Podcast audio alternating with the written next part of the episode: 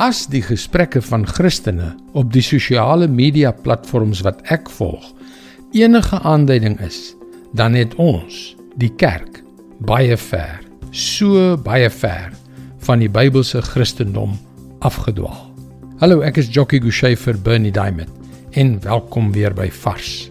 Dit mag dalk ietwat krities en veroordelend klink, maar kom ons praat nie oor die kerk nie, want ek en jy kan nie verander wat op daardie vlak gebeur nie. Net God kan. Kom ons fokus eerder op ons as individue. As jy jouself as 'n gelowige, as 'n disipel van Jesus beskou, dan sluit ek jou in by die ons.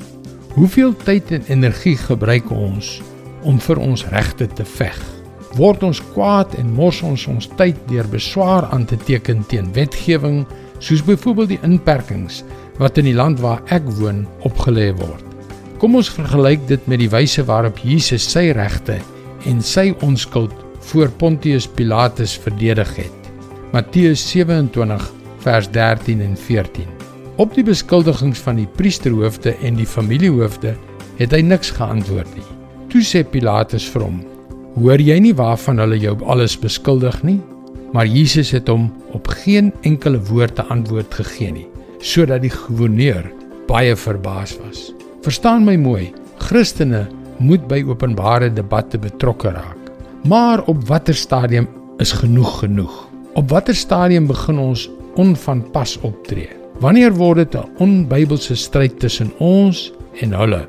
Wanneer ruk dit hande uit en word dit 'n stryd tussen ons as die Christene en hulle as die wêreldses? Kom ons vra onsself eerlik, gaan dit alles oor ons eie belang?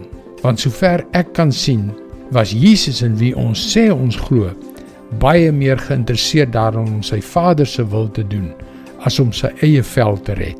Hy het niks ter verdediging gesê nie en tog vanweë sy nederigheid word sy naam bo elke naam verhef. Moenie te vinnig wees om jouself te probeer verdedig nie. Dit is God se woord vars vir jou vandag. Weet jy dat as jy in oorwinning wil leef, dit die meeste van die tyd sal beteken dat jy die nederigheid van Christus en die wysheid van God moet uitleef. Ek wil jou graag aanmoedig om ons webwerf varsvandag.co.za te besoek. Daar is baie om oor na te dink om jou te help op jou reis tot 'n betekenisvolle verhouding met God. Skakel weer môre op dieselfde tyd op jou gunstelingstasie in vir nog 'n boodskap van Bernie Diamond. Mooi loop. Tot môre.